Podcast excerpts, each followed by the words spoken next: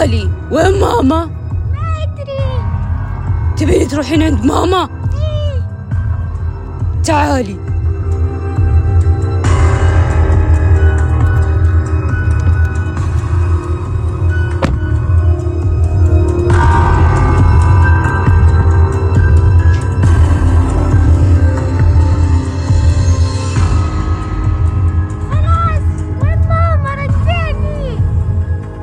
بنروح نجيب حلاوة أول بعدين نوديك عند ماما.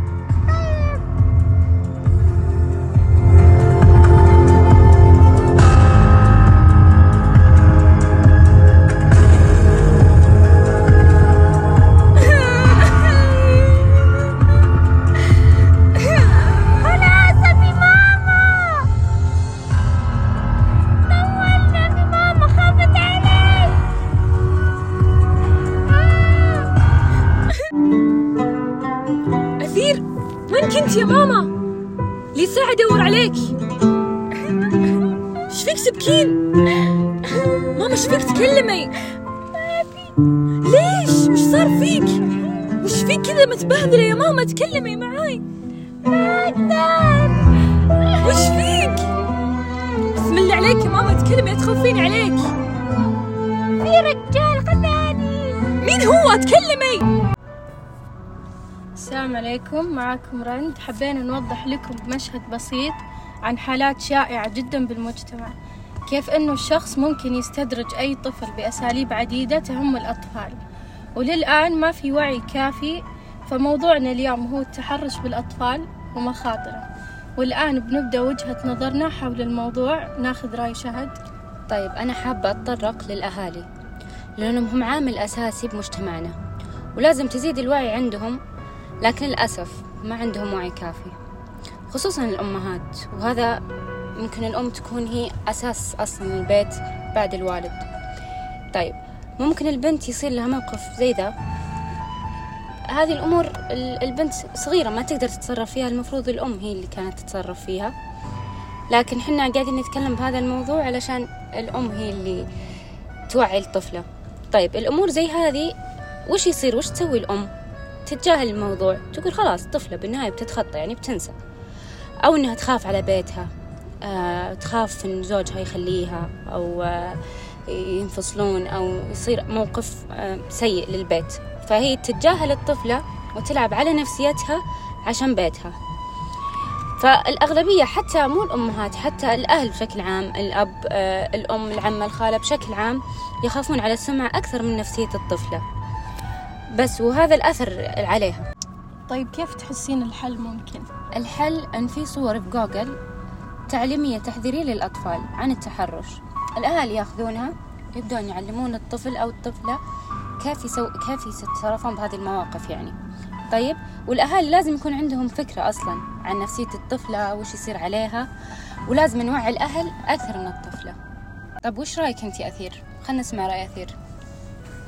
زي ما قالت شهد إن الأهل وعيهم مو كافي وغير كذا بعد في عندنا بمجتمعنا كان موجود بكثرة والحين صار أقل آه، اللي هو الرجال الكبار وحتى الشباب يتحرشون بالأطفال من نفس الجنس حتى ممكن البنات برضو. إيه إيه، صحيح. حتى. من كل الجنسين. ويبتزونهم وهذا حكمه دينيا خطير. بس أنا بتكلم عن المجتمع من الأقارب والأصدقاء أي خلينا نبعد عن أمور الدين شوي. والمفروض نكون موعين الأطفال عن هالموضوع. آه، بالمقابل هذا الحل آه، لاقت الحكومة اهتمام كبير حول موضوع التحرش بالأطفال والابتزاز ووفرت رقم اتصال خاص بالابتزاز واللي هو واحد تسعة صفر تسعة لاستقبال حالات الابتزاز والتحرش. آه، والحين بس ما بتحكي لنا قصة واقعية من تجارب الآخرين. أوكي. أنا بذكر قصة بسيطة سمعتها قبل فترة وأثرت فيني الصدق ونقدر نقول إنها جدا مؤثره حتى بتأثر عليكم. آه في أخوين كبار بالعمر توأم طبعا آه ف وكان عندهم عيال طبعا ففي واحد من الأيام آه حصل له حادث وفقد ذاكرته. فأخوه التوأم انبسط جدا وكنا يوم عيد يوم فقد ذاكرته وكان مبسوط جدا. فكان اللي حوله أو أخ يعني أصدقائهم وأقاربهم كانوا مستغربين إنه ليش أخوه التوأم مبسوط إنه فقد الذاكرة. بعد فترة أنا بختصرها لكم يعني عشان الوقت. بعد فترة اتضح أن الأب والأم آه كانوا آه يتحرشون فيهم جنسيا. وهالشيء أثر في شخصيتهم وعلاقتهم مع أبنائهم وزوجاتهم برضو. وكمان الأخوين ذكروا قصص جدا كانت مؤلمة. وإن الأخ التوأم ما صدق إنه أخوه فعلا طلع من هالمأزق وفقد ذاكرته بحادث. آه على قد ما إن الشيء كان مؤلم بس إنه يعني فرح إنه خلاص فقد ذاكرة إنه خلاص بيقدر يعيش. آه مع كذا ما عاش وفعلا رجع تذكر. و إنه مستحيل هال- هالشيء ينسى بسهولة مهما كان. بس أنا برأيي الحل أوكي لو أحد عاش هالتجربة برأيي يروح دكاترة نفسيين ويعالج الموضوع من جذوره إن هالموضوع مو سهل ولا يترك نفسه يعيش ويبني عائلة طيب ويأسس بس نفس في ناس مم. يستحون إنهم يروحون دكاترة هذه نفسية. تكلمت عنها شهد إنه الناس إيه إنه لا إنهم. يقولون عيب كذا بيشوفوني مريضة وعندي انفصام أو شيء طبعا هذه النقطة بس الدكاترة هم مختصين بهالمجال هم عارفين وش يسوون بالضبط فبيقدرون. يتعاملون. فأنا ذكرت لك تو إني يتعالجون من الجذور فطبيعي إنه يعني بيمدي. لازم يكون في أحد يدعمهم. بكل بالضبط. طبعا. إيه. حتى لو بعيدا عن الكثير لازم هذا أصلا شيء يصير بمجتمعنا شيء طبيعي وعادي أصلا. فبس آه، القصة ذي طبعا نقدر نقول إن ال- الأخ ال- هذا اللي حصل معه للحين ما نسوا لأنهم برضو كبارة وتخيلوا حتى سووا عائلات ولا ولا قدروا. يسوون شيء. إيه. بس والله هذا هو رأيي بكل صراحة. طبعا الحين العافية. بنخلي غلا حبيبتي تتكلم آه، تقول رأيها أو آه، نقطتها بهالموضوع. تمام طيب. تفضلي غلا. أنا بتكلم عن أكثر شيء يلفت نظري ألا وهو السائقين ومعاملتهم مع الأطفال وإهمال الأهل بخصوص هالموضوع. يعني كثير أشوف أن الطفل الصغير يطلع مع السواق بفترة وبدون انتباه أو سؤال وأنه عادي يطول برا البيت. أكيد بيتعرض للتحرش بالطريقة هذه من السواق. وعادة من طبع الأطفال أنهم يكتمون ولا يتكلمون يحسبونه شيء طبيعي لقلة وعيهم. أيوه أيوه صدق فعلا؟ ترى هذه هذه أنا لاحظتها مشكلة أنهم للحين يقولون آه هذا سواقنا قديم من زمان عندنا. وعادي يعني. اي بس فأنا أشوف إنه حتى لو السواق من زمان نعرفه فلا.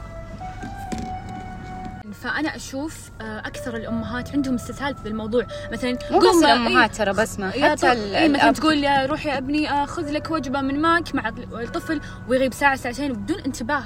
وهالشيء أنا ترى كنت أشوفه قدام اي عيني. يشوفون خلاص هذا سواقنا القديم فمعليش إيه. فهو يعني الحالة الساق مع الولد الحالة. فكيف كثير ما فيهم خير كثير ما فيهم بالدين طب الإسلامي. غلا عند شكرا بسمة غلا عندك حل طيب لهذه الأشياء؟ الحل آه، من رأيي وضع داش كام وهي كاميرا بالسيارة عشان الأهل يطمنون ويشيكون كذا على الطفل. أو أنه يرسلون الخدامة مع الطفل إذا راح مشوار أو مدرسة أو عدم إرساله يعني من الأصل بالحالة. الحاله اي فعلاً. اي صدق لازم يصير معاه أخ أو هذا.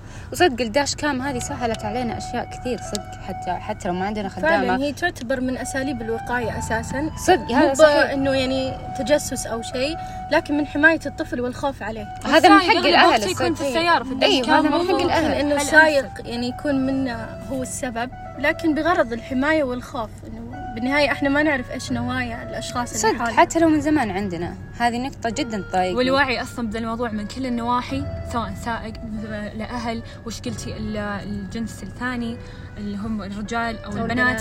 في كل الحالات مهم. صدق أنا أشوفه جدا مهم. صح. جد من صغره من صغره. يعني أنا أشوف أخواتي يوعون آه، عيال خواتهم آه، عيال خواتي من صغرهم. يعني مو شرط.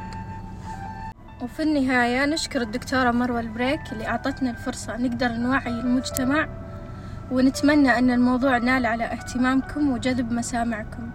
نتمنى لكل من استمع البودكاست الوعي وتوعية الأطفال كليا. ومرة ثانية نشكر دكتورة مروة أعطتنا فرصة مميزة جدا إن إحنا نقدر نعطي رأينا بكل أريحية. نعبر اللي بخاطرنا. بس إن شاء الله تكونوا استفدتوا ما جاء هذا كله صار هباء منثورا وتكونون ركزتوا بهذا الموضوع. أتمنى إنكم تنتبهون لعيالكم عشان هالشيء ما يكبر معهم وأنا برضو أتمنى إنه يكون في أكثر برامج وتعليم وصور لأن الأطفال طبعا هم يعني يشوفون ككرتون وكذا. صح فأتمنى، يتعلمون إيه. هم الأطفال يتعلمون. يتعلمون بصريا صحيح. إيه. أي مو لازم يكون جديا لكن بصريا. نعلمهم بمزح بطريقة حلوة. جد يعطيكم العافية على الاستماع. شكرا جدا. شكرا للمشاركة دكتورة مروة. جد مرة ثانية. شكرا دكتورة مروة. حياكم الله. السلام عليكم ورحمة الله وبركاته.